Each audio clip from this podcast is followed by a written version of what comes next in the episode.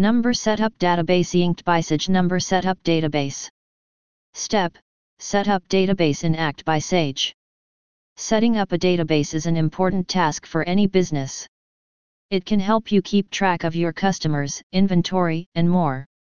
In this blog post, we will walk you through the steps needed to set up a database in Act by Sage. In this tutorial, we will show you how to set up your database in Sage using the Data Import Wizard. By following these simple steps,